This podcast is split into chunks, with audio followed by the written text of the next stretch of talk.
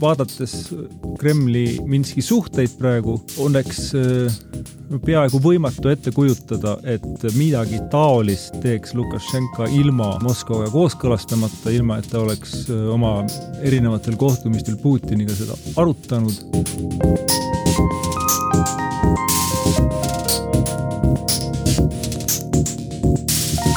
tere jälle siit Eesti Välissuhete Nõukoja taskuhäälingust Tallinnast EBS-i podcasti stuudiost. ja täna on stuudios Riigikogu väliskomisjoni esimees Marko Mihkelson, sama komisjoni liige Eerik-Niiles Kross ja mina, Harri Tiido. ehk me oleme tugevalt Riigikogu poole kaldu, aga pole midagi parata, õnnetus ei hüüa tulles. kuid millest täna räägime?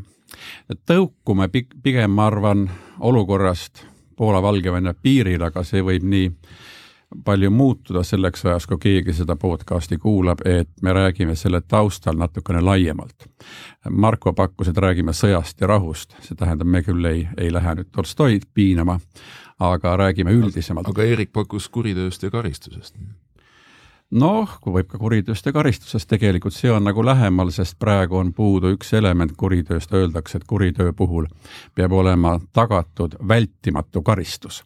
aga ma ei ole praegu veel kindel karistuse vältimatusest, kuid tuleme nüüd selle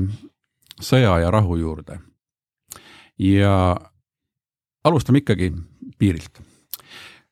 kas see oli Valgevene, kes midagi käivitas või on tegemist Moskva laiema plaaniga, see on teema, mida ma vähemalt meedias olen näinud väga aktiivselt. Arutletavat, sõltub sellest, kus geograafiliselt paikneb arvaja,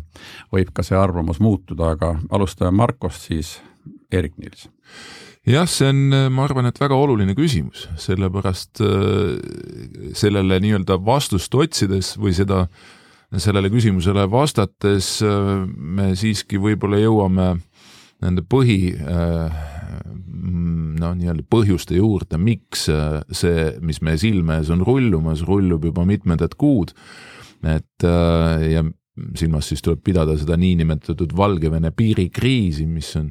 justkui Lukašenko poolt ellu kutsutud siin alates juba tegelikult esimesed illegaalid hakkasid üle Leedu piiri tilkuma eelmise aasta novembris ja palju, palju selgemalt, aktiivsemalt siis nende migrantide kohaletoomine Valgevenesse käivitus kusagil selle aasta suvel, juunist-juulist, aga äh, olgem ausad, et tegelikult ju see põhiline, vähemalt mulle jääb selline mulje, arusaamine, see põhiline käivitav strateegiline tegur on ikkagi seotud Venemaa geopoliitilise marsiga edasimarsiga, äh, ekspansiooniga, äh, mille osaks on siis juba noh, üheksakümnendatest aastatest meile teada soov võtta Valgevene tagasi või vähemalt kindlasti mitte lasta Valgevenel kujuneda riigiks, kus võiksid toimuda vabad valimised, kus Valgevene rahvas võiks ise otsustada, teha valikuid oma, kaasa arvatud ka geopoliitilise suundumuse üle. ja eriti selgelt muidugi kõik need sündmused on nüüd rulluma hakanud eelmise aasta augustist, kui Valgevenes toimusid järjekordsed presidendivalimised, mis seekord siis nii massiivselt võltsiti, et inimesed tulid tänavatele ja, ja nõudsid rahva poolt tegelikult valitud presidendi Tsihhanovskaja ametisse saamist. tõsi, need rahva revolutsioon või rahva vastuhakk, väga rahumeelne, suruti väga massiivse vägivallaga maha ja selle hinnaks oli lääneriikide poolne Lukašenko mittetunnustamine presidendina, riigipeana, pluss siis juba tänaseks viienda sanktsioonide ringi kehtestamine, vähemalt Euroopa Liidu tasandilt Valgevene suunal, aga ikkagi see, mis on nii-öelda ajendanud reaalselt sellist hübriidrelva kasutamas, nagu selleks on siis mm, illegaalne migratsioonivoog või selle tekitamine, mina näen, et selle taustal ikkagi on väga selgelt Venemaa soov äh, de-sover-, desuvereniseerida Valgevene vaikselt äh, annekteerida, see piire nihutamata, siis olgugi, et tegemist ju on Venemaa-Valgevene liitriigiga. selle käigus, nagu me teame, on siin lähiminevikus sõlmitud ju kakskümmend kaheksa erinevat teekaarti, kuidas süvendada seda niinimetatud integratsiooni või vaikset annek-, anneksiooni ja, ja seetõttu on ka seda, seda kogu seda probleemi või seda, seda kriisi palju keerulisem lahendada, kui lihtsalt leida nendele migrantidele tee tagasi kodumaale. nii, kui ma selle kõne kokku võtan, siis sinu arvates on Venemaa selle taga nii või teisiti. Eerik-Niiles? ma arvan, et äh, seda asja peab vaatama taktikaliselt ja strateegiliselt lahus. et siin nii palju, kui ma olen kuulnud Äh, süvariiklastelt ja, ja lugenud analüüse, siis äh, noh, ega seni otseseid tõendeid ja noh, Kreml alati, kui teda milleski süüdistatakse mingisuguses äh, salaja, salajases vandenõus või millegi kuritegeliku tegemises, ütleb, et aga kus on tõendid. ja täna me oleme samas olukorras, et, et ega otseselt ei ole kellelgi lauale panna tõendeid et Moskva orkestreeriks äh, seda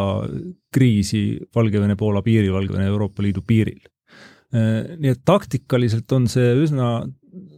üsna tõenäoliselt suhteliselt suurel määral või peaaegu täielikult Valgevene äh, jõustruktuuride ja Valgevene presidendi administratsiooni operatsioon.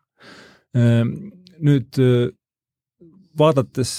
Kremli Minski suhteid praegu, õnneks äh,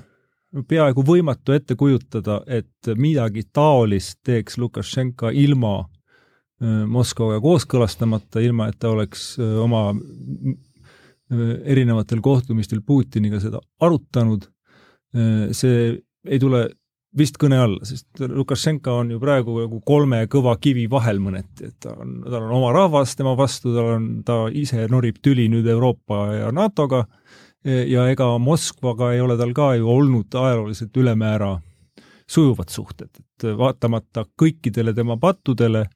eh, ja eh, noh, kuritegelikule võimurlusele on ta siiski üritanud kõigest väest Valgevene suveräänsust hoida.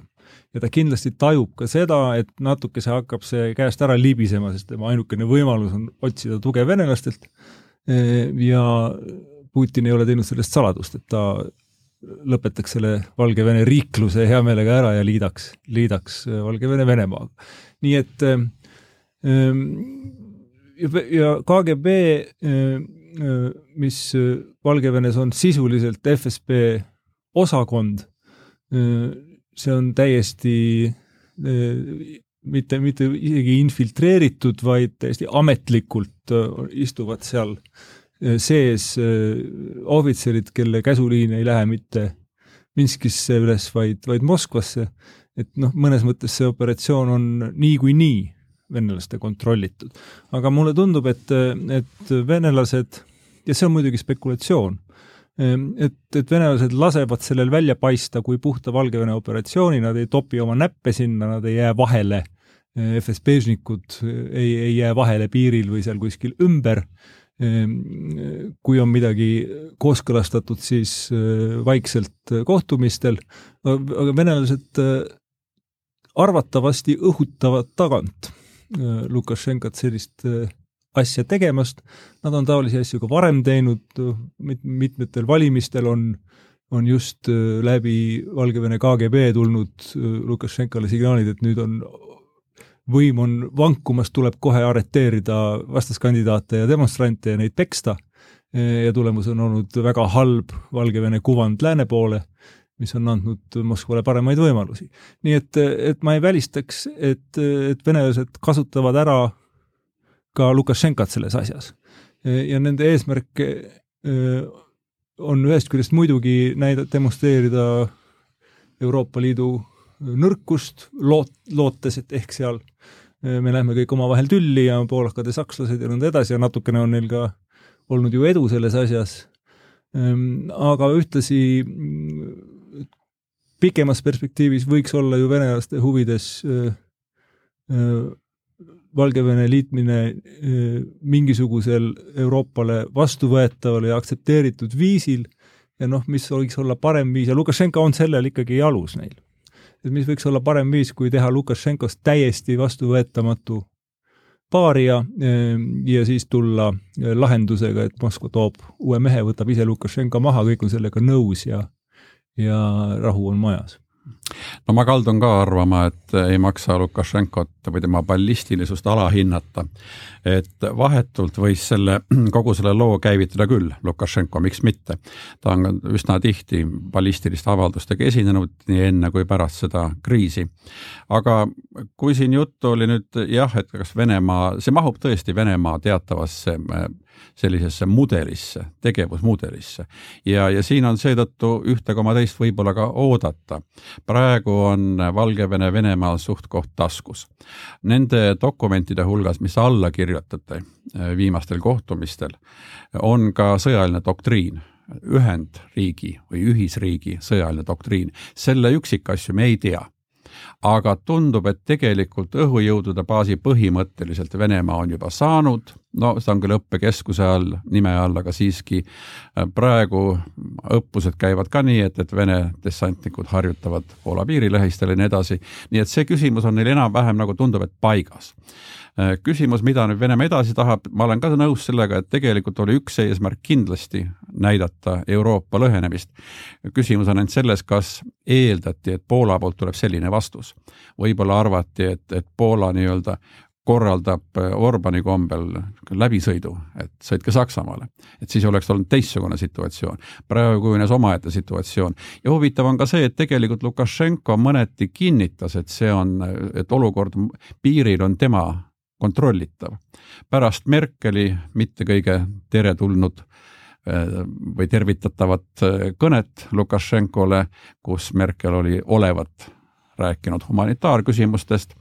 ootamatult osa inimesi viidi ära organiseeritult ühte logistikakeskusesse, kus nad paigutati, toodi tekid, särgid, värgid, toidud, eks ole. nii et tegelikult Lukašenko sellega tõestas, et ta kontrollib olukorda, et kui minuga räägiti, siis noh, ta tahtis näidata. meenutab tegelikult olukorda Soome piiril, kui Niinistö rääkis Putiniga ja, ja migrant, migrantide üle piiri minek koheselt lõppes. aga Harri, siin tuleb silmas pidada, et ainult see oli selline pakasuhha, et sinna viidi ainult väga väike osa nendest, kes seal piiril on, et sama samal ajal äh, äh, öö hiljem siis üritas viissada äh, migranti Valgevene eriteenistuste abiga rünnata ühes teises piirilõigus noh, nii-öelda piiri selle ületamise eesmärgil, kus samamoodi öösel olid käigus kivid ja, ja, ja muu käepärane, et Poola piirivalve selle katse likvideeris, seisis vastu et äh, ma olen nõus sellega, mida Eerik ütles, et äh, ma arvan, et see sobitub isegi rohkem mitte nii-öelda Lukašenko sellisesse taktikalisse käitumisse, just Venemaa äh, nii-öelda Äh, strateegilisse, äh, strateegiliste huvidega kokku, mis puudutab siis lääne lõhestamist, testi, kuidas reageeritakse sellisele hübriidkriisile, kas kõik saavad igas pealinnas ikka võrdselt osa aru sellest, et ma olin Pariisis, ütleme septembri lõpus nüüd siis juba. Ja, ja seal tuli ka sellest juttu. Ja välisministeeriumi väga kõrge ametnik Prantsusmaal ütles väga kiirelt me, meile, kes me kolmekesi, kolme Balti riigi väliskomisjoni esimehed seal olime, et kuulge, lõpetage ära see hübriidrünnak, rünnaku jutt, see ei ole mingi hübriidrünnak, see on migrandikriis. eks ju, kindlasti testitakse seda, et äh, sellise poolhallis või hallis alas toimuv rünnak, et kuidas, kui kiirelt äh, pealinnad suudavad sellele reageerida ja loomulikult siin kohalikul tasandil ka, et, et noh, praegu on ju löödud ikka väga suur haav jälle poolakate südamesse, kui mõelda sedasama Merkeli äh, telefonikõnesid, eks ju, et kus kohas sakslased ise on tegelikult selles üle, osas segaduses, et mis nüüd toimub, et kustkohast Mer Merkel äkki selle mandaadi võttis oma ametiaja lõpul juba nii-öelda lonkava pardina. ja, ja teiseks siis see, et äh, pole ju konsulteeritud, tegelikult ei ole konsulteeritud äh, ei poolakate, leedulaste, tegelikult ka meiega. nojah, ega me ei tea, võib-olla kellegagi konsulteeriti, me lihtsalt ei tea, aga Erik et selle termini osas, noh, et ma olen, möönan, et, et parema puudusel praegu hübriidrünnak kasutada on, on, on õigustatud ja kindlasti on see adekvaatsem kui, eks ole, migrandikriis või, või, või pagu, pagulaskriis, sest tõepoolest kahe tuhande viieteistkümnenda aasta kriisiga sellel väga palju sarnasust ei ole. Kui ma meenutan siis seda Süüriast ja üle Vahemere tulevat voogu. aga et seda asja nüüd noa ja kahvliga sööma õppida, et mis praegu toimub, selleks me peame tegelikult läbi mõtlema ja see on tegemata töö Euroopas ja NATO-s ja igal pool, et, et mida see siis nüüd juriidiliselt tähendab. sest ega ähm, sõna hübriidrünnak alla võib, kuna legaaldefinitsiooni ju õieti ei ole, rahvusvahelist õigust ka esialgu selle taga on väga vähe eh, siis võib igaüks seda sisustada vastavalt, vastavalt soovile, et see on väga veniv termin, et ma usun, et see hübriidrünnak kreeklase või, või hispaanlase jaoks võib tähendada ühte ja poolaka ja leedulase jaoks teist. et me peaksime hakkama tegelikult vaatama, kuidas toimuv suhtestub kehtiva rahvusvahelise õigusega, kas on näiteks Genfi konventsiooni rikkumisi, mulle tundub, et võiks olla igal juhul tsiviilelanikkonna eh, julm kohtlemine või tsiviilisikute julm kohtlemine konflikti piirkonnas on, on keelatud, et tegelikult me ei peaks Lukašenkaga võib-olla mitte telefonikõnesid pidama, vaid, vaid ta eh, Haagi kohtu alla andma. Eh, aga see on nüüd selline piirkond, mentaalne piirkond, kuhu esialgu ikkagi suur osa Euroopast tõrgub minemast palju mugavam on, on kvalifitseerida see humanitaarküsiks ja need elemendid on seal olemas, on väga selge, et et Valgevene praegu üsna jõhkralt rikub noh, pagulaste kohtlemise ja igasuguseid reegleid, nad peavad tegelikult tagama sellesama, millest ilmselt Merkel põhiliselt rääkis, eks ole, mõne rahvusvahelise organisatsiooni, Punase Risti juurdepääsu, toidu, vaatama, et, et inimeste elu ei oleks ohus, see on kõik tõsi. aga sellel on palju tõsisemad, peaksid olema palju tõsisemad järelmid just noh, konfliktiõiguse ja, ja agressioonikeeldude, kõikide taoliste normide osas ja, ja, ja, ja selles vallas hakkab see hübriidrünnak ühel hetkel meil võib-olla jalgu jääma. et miks mitte lihtsalt rünnak no me jätaksime selle juristidele, tegelikult oli Postimehes vist intervjuu Jüri Saarega ja, ja seal oli mõni, mitmeid neid juriidilisi punkte välja toodud. me ei saa ütelda, et tegemist on humanitaarisikutega või eraisikutega konfliktipiirkonnas, see eeldaks, et eelnevalt on konflikt ja siis sinna satuvad eraisikud. meil ei ole praegu konflikti. jaa, nii et, et selles mõttes see on nagu eraldi küsimus, aga vaatame natuke edasi ma lihtsalt meenutaksin, et Lukašenko ütles kunagi Euroopa Liidu sanktsioonide kohta, et, et ma olen, me oleme siin Valgevenes seni tagasi hoidnud äh, inimeste, relvade ja uimastite voolu Euroopasse ja teie rakendate sanktsioone. nüüd ta lasi inimesed lahti, nii-öelda piltlikult öeldes. jäävad veel relvad ja uimastid. viimastel päevadel on Vene meedias olnud äh, mõningaid sõnumeid, et Afganistanis seoses sellega, et lääneriigid on külmutanud eelmise valitsuse rahalised vahendid, Taliban ei ole neid kätte saanud, neil on vaja kusagilt raha saada ja eeldatakse suurt uimastite ekspordilainet Afganistanist, mis on suunatud Euroopasse. siin tuleb nüüd välja, siin enam Lukašenko üksi ei saa ja lennukeid ka nii-öelda otseselt ei lenda järelikult siin on, ma ennustan, et järgmine probleem võibki tekkida selle taustal, et ootamatult ilmub Euroopasse väga tugevalt läbi Kesk-Aasia näiteks, väga tugevalt äh, uimasteid, aga ma tulen veel üldisema juurde, selleks, et, et panna see nüüd Venemaa võimalikku strateegilisse plaani, nagu Eerik ütles, et see on strateegiline ja taktikaline. Ütleme siis lühidalt, mis on Putini eesmärgid. ma ei taha ütelda, mis on Venemaa eesmärgid, ma räägiksin praegu Putini eesmärgid, kuna Putin, Putinit on võimalik teataval määral psühholoogiliselt profileerida tal on oma psühholoogia. ja, ja selles mõttes võib-olla võtaksime, mis võib olla Putini mõtlemine, mida ta tahab saavutada. Lähme samas järjekorras, Marko. no Putini mõtlemine on KGB-isti mõtlemine ja Venemaal on KGB võimul aastast üheksakümmend üheksa, äh, täisvõimul ja, ja seetõttu ma ei lahutaks äh, Venemaa huvisid äh, selle seltskonna huvidest, kes praegu Venemaad noh, väga, väga hästi kontrollivad ja ärme siin ainult keskendu Putinile. et üks ikkagi mastermind'i peaideoloogia kogu selles nii-öelda impeeriumi taastamise loos on Nikolai Patrushev mees, kellega siis ameeriklased üritavad praegu nagu sidet luua, et, et ära hoida võib-olla halvimat Ukraina suunas, millest me ilmselt varsti ka räägime ja, ja loomulikult, eks ameeriklastel on väga suur huvi strateegilise tuumarelvastuse osas mingisuguseid pikemaajalisi kokkuleppeid sõlmida. aga see selleks, ma arvan, et äh, jah, absoluutselt strateegiline, taktiline pool ja strateegiline pool on Venemaal alati paigas olnud ja seda kaugelt enne Putini ajastut, üheksakümnendate alguses, kohe peale liidu lagunemist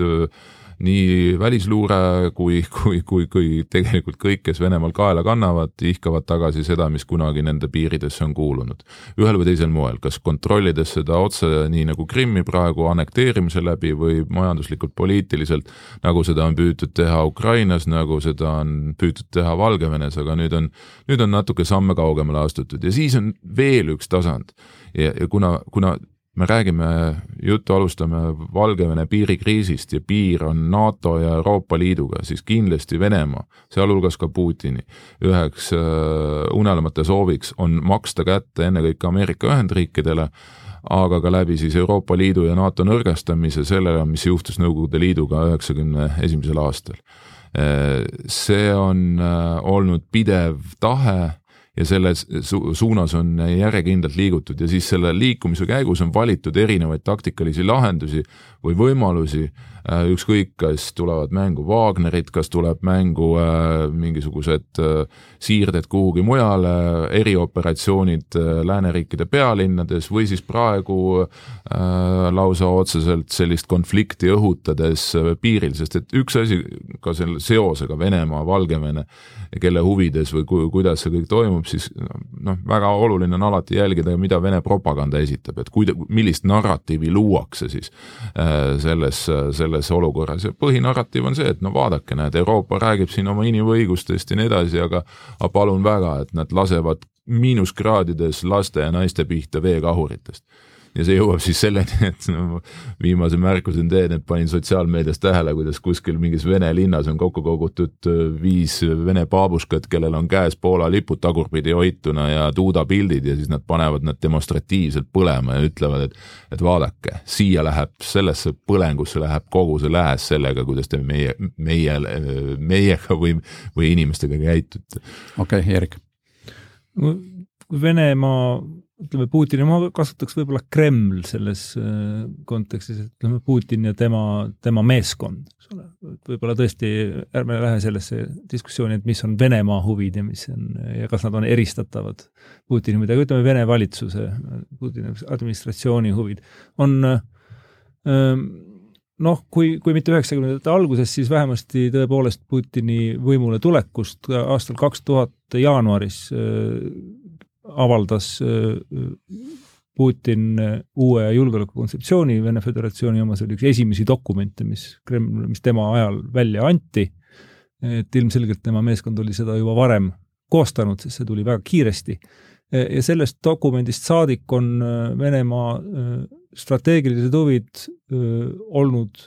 deklareerituna needsamad, nad on võib-olla reljeefsemalt täna sõnastatud kui tollal, aga põhimõtteliselt on seal kolm suurt asja.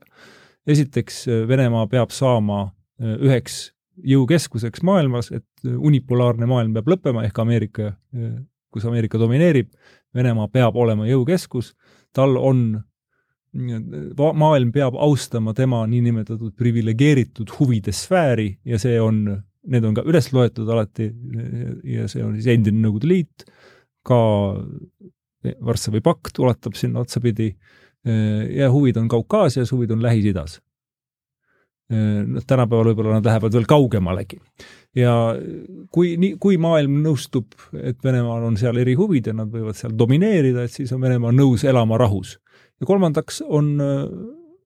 selle teise maailmasõja järgse julgeolekuarhitektuuri äralõhkumine.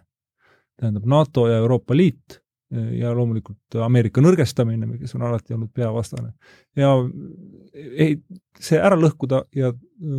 mingisugune uus julgeolekustruktuur, mis arvestab siis Venemaad ühe domineeriva keskusena selles, selles arhitektuuris. Need on Venemaa strateegilised huvid, nad ei ole neid kunagi varjanud, vähemasti mitte Putini ajal, ja, ja sellest lähtuvalt ka üldiselt nende, nende plaanid tekivad, need võivad taktikaliselt teha vigu ja, ja mõnikord arusaamatult ja võib-olla irduda, aga üldiselt teerull sõidab selles suunas. ja nüüd küsimus, et kas täna see, mis toimub Valgevenes, on nüüd otseselt mingisuguse järgmise faasi element, kus Kreml on vaadanud, et praegu on jälle selline moment, kus võib-olla tasuks võtta järgmised tükid. Noh, võimalik või võib-olla, et algselt ka ei olnud, aga arvata, et selle kestva kriisi, et seda kestvat kriisi ei kasutataks ära vähemasti, ajastus, samaaegne ajastus, noh, seda tuleb kindlasti silmas pidada. küllap, küllap kasutatakse, et ma ei, ma ei ole päris kindel, et see on nüüd, see kriis on esile kutsutud ainult selleks, et kõik tõmba-, kõik pööraksid pilgud Poola, Valgevene piirile, et siis venelased saavad kuskil mujal midagi teha, seda mitte, aga sellisel viisil seda ära kasutada täna tõenäoliselt saab. Ja, ja ei saa üldse välistada, et et valmistatakse ikkagi ette järgmiseks, mida ilmselt ka ameeriklased praegu pelgavad, noh, tundub, et neil on mingisugust informatsiooni, mida Euroopal ei ole, mingisugustest Kremli plaanidest rünnata noh, suuremas mahus Ukrainat siin talve, talve tulekul. kas see on, kui tõsiseltvõetav, ei, ei, ei, ei, ei oska hinnata, aga ütleme selle kasuks, et mingisugust suuremat operatsiooni, mingisugust aktsiooni valmistatakse ette, on noh, räägivad, selle kasu, selle kasuks räägib mitu punast lippu, mis on püsti, üks nendest on seesama Valgevene, Poola kriis, Valgevene-Leedu kriis, vägede koondamine Ukraina piiri äärde, mis praegu tundub, et on tõsiseltvõetavam ja murettekitavam, kui, kui ta oli kevadel kuigi esialgu ei ole seal neid vägesid piisavalt, et pikka, pikka sõda pidada suures mahus, aga vägesid tuuakse juurde. E. GRU ja muude eriüksuste ilmumine ja nendega ilm, väljailmumine mitmel pool Ukrainas, Vene me, riikliku meediafooni äärmine agressiivsus, intensiivistuv agressiivsus Ukraina vastu, noh, mis alati on halb märk, noh, lähme paar kuud tagasi mõneti see asi justkui algas president Putini nõndanimetatud ajaloolise artikliga, kus noh, Vene riiklikult kõige kõrgemal tase, tasemel pandi maha uus narratiiv, noh, see ei ole võib-olla, seda on Vene šovinistid rääkinud ju kui mitte aasta, aastasadu, siis aastakümneid, et Ukrainat ei ole tegelikult olemas. nii-öelda Ukraina tühistamine. aga see on nüüd istuva presidendi poolt noh, peaaegu selline dogmaatiline programmiline artikkel ja seda ei saa, ajaloolased irvitavad selle üle, aga see on äh, poliitiliselt ja julgeolekupoliitiliselt äh, äärmiselt murettekitav ja see on väga tähenduslik. sellest lähtub praegu nüüd siis Vene suhtumine Ukrainasse. ja siia juurde veel mõned asjad, kummaline, kummalised protsessid Gruusias, kus äh, justkui valitsus nagu valab õli tulle, seal on imelikud liikumised, mitmesugused Vene kontaktid on välja ujunud, väga rahutu on seal hetkel. Bosnia-Hertsegoviinas noh, riik on lagunemise äärel, venelased toetavad peaaegu avalikult Serbiat, separatiste, nii et, et noh, võiks ju kujutleda, et tekitatakse olukorda, kus Poola ja Leedu on seotud oma piiriga Lõuna-Euroopa riigid hakkavad aktiivselt muretsema ja tegutsema Bosnia suunal, lisame siia energiakriisi, mida noh, vähemasti on kaasa aitamas Moskva, Ukrainalt gaas ära, ähvardame Saksamaad külma kätte jäämisega, ütleme selline kaose elemente siin ja seal. nii et, et võib-olla, võib-olla, et plaan ei olegi öö, otseselt sõjaliselt hõivata mingisugust suurt osa Ukrainast, mida siin ju on avalikult kahtlustatud ja kardeta-, kardetakse ja mida ameeriklased vist üritavad siis heidutada praegu, vaid pigem luua nii suur kaos ja tekitada nii palju probleeme erinevatele Euroopa riikidele eraldi ja koos, et ühel hetkel saab tulla lagedale mingisuguse pakkumisega, et me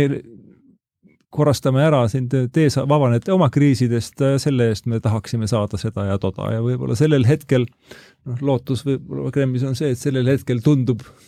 uutele Merkelitele, et päris hea pakkumine jah, ma märkasin Putini psühholoogilist profiili, tähendab tegelikult sellel oma roll on olemas ja, ja, ja mõneti see tema ajaloo teemaline jutumärkides artikkel on ka, kuulub sinna rubriiki. tema taust ei ole mitte ainult KGB-t tema taust on Piiteri kangialune ja sealt on tegelikult, kui palju ta on korranud seda, et, et tuleb lüüa esimesena, nõrku pekstakse, see on tegelikult tema psühholoogia. ja ma siiski, ma tegelikult arvan, et, et no Valgevenega enam-vähem on asjad ühel pool. samas Ukraina, see artikkel oli mõneti märgiline, kuna see oli noh, nii-öelda tipptasandil deklareeriti veel kord, Ukrainat pole olemas. see tähendab, see ongi meie ala. aga Harri, pane sinna juurde veel sügisel ilmunud Medvedjevi artikkel noh, täielikus platnoi äh, kõnepruugis. no Medvedjev lihtsalt püüab imiteerida kedagi, sest ta näeb, et ta aga need ei tule ole nagu rolli, jah. ja, ja, ja seega tegelikult on no kaugem eesmärk, mõtteline eesmärk ikkagi on Nõukogude Liidu ala taastamine. Vene impeerium, jäta see Nõukogude Liit. oota, ei, ei, Nõukogude Liit on nende jaoks on märgiline, esimene piir on see, siis edasi läheb Vene impeerium sest praegusest arvesta Nõukogude Liidu hulka läheb ka Baltikum. Äh, Vene impeerium peaks juba minema, arvama ka Poola sinna hulka. no ta... Vene impeeriumisse kuulus, kuulus Baltikum juba tuhande seitsmesaja kahekümne esimesest aastast. aga selle taastamine võib-olla mitte, mitte igal pool ja üleni sõjalise okupatsiooni või mm., või territooriumide liitmise teel, vaid kontroll, poliitiline, eh, majanduslik, nõnda edasi, noh, domine-, domineerimine selle deklareeritud huvide sfääri üle, kusjuures mitte ühepoolselt, vaid sellisel teel, et see oleks aktsepteeritud lääne poolt. et nad tahavad nii-öelda koha kätte näidata äh, mitte ainult nendele oma naaberriikidele, vaid ka Brüsselile ja Washingtonile, panna olu, lääs olukorda, kus lääs äh, nii-öelda annab selle neile aga selle, selle elemendiks, mul on tunne, et äh, selle elemendiks peab ikkagi olema mingil määral Euroopa Liidu ja NATO kas just äh, hävitamine, aga sedavõrd tõsine nõrgestamine, et äh, selliseid organisatsioone enam tõsiselt võtta ei saa. no kui Euroopa Liit ja NATO peaksid aktsepteerima selle, sellise, sellise Venemaa dominant, domineerimise, noh, Valgevene, Ukraina ja nõnda edasi territooriumide üle, siis see on juba selline alandus, et aga mul, mulle, mul Euroopa Liidu, liit ise võib teeselda, et mulle meeldis üks väga mõnes. väikene episood siin, mis siin mõned päevad tagasi oli, et äh, Saksamaa üks äh, sotside parlamendisaadik, nende välispoliitika eeskõneleja, tegi ettepaneku ukrainlastele, et kuulge, lahendame selle kriisi seal nii ära, et võtke migrandid nagu enda territooriumile, teeme seal nagu väikese nii-öelda kontrolli, kes nad on, võtame vastu, saadame tagasi. mille peale minu arvates Ukraina välisminister Kuljeba ütles väga hästi, et teate, võtke meid kõigepealt Euroopa Liitu, siis meil on ühised standardid, standardid ja reeglid ja, ja siis me saame vaadata, kes kuhu. ehk siis tegelikult seesama põhiküsimus, mis tuleb ka lääne poolt, selle surve peale, mida Venemaa praegu üles ehitab, on see, et, et kas Lääs on valmis tegelikult lõpuks ikkagi aktsepteerima seda, mida kunagi öeldi, et Ukrainast saab NATO liige, Gruusiast saab NATO liige, Euroopa Liidu liige kunagi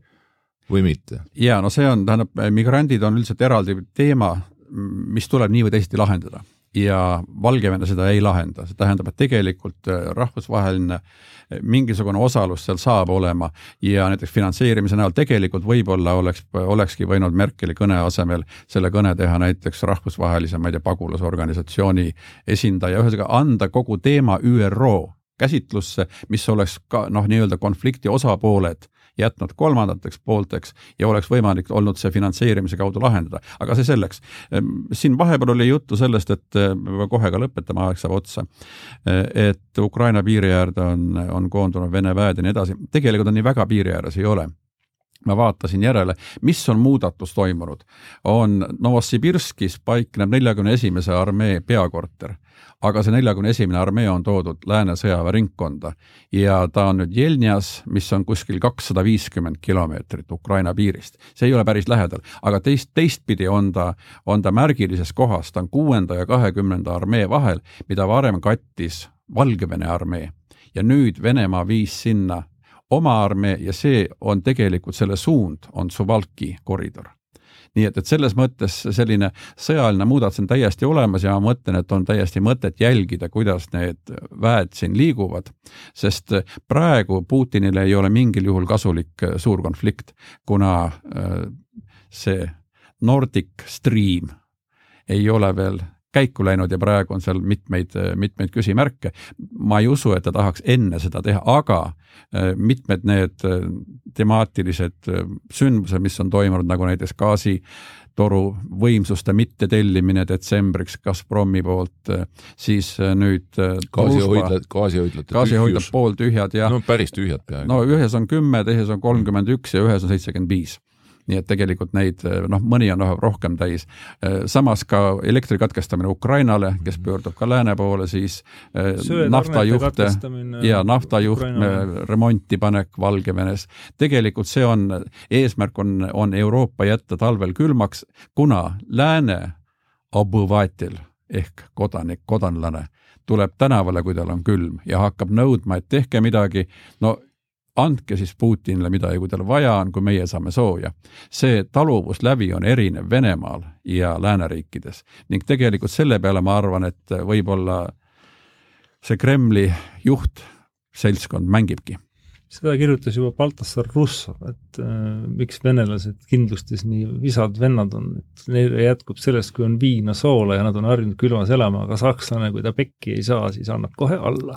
nii ta paraku on, aga loodame, et, et selle allaandmiseni asi ei lähe. Äh, täna tõmbame otsad kokku, ega me eriti kaugele ei jõudnud, kuid äh, variante on erinevaid ja jälgige seda, mis toimub, sest vähemalt ühte võib ütelda, et igav ei hakka ja kommentaatoritel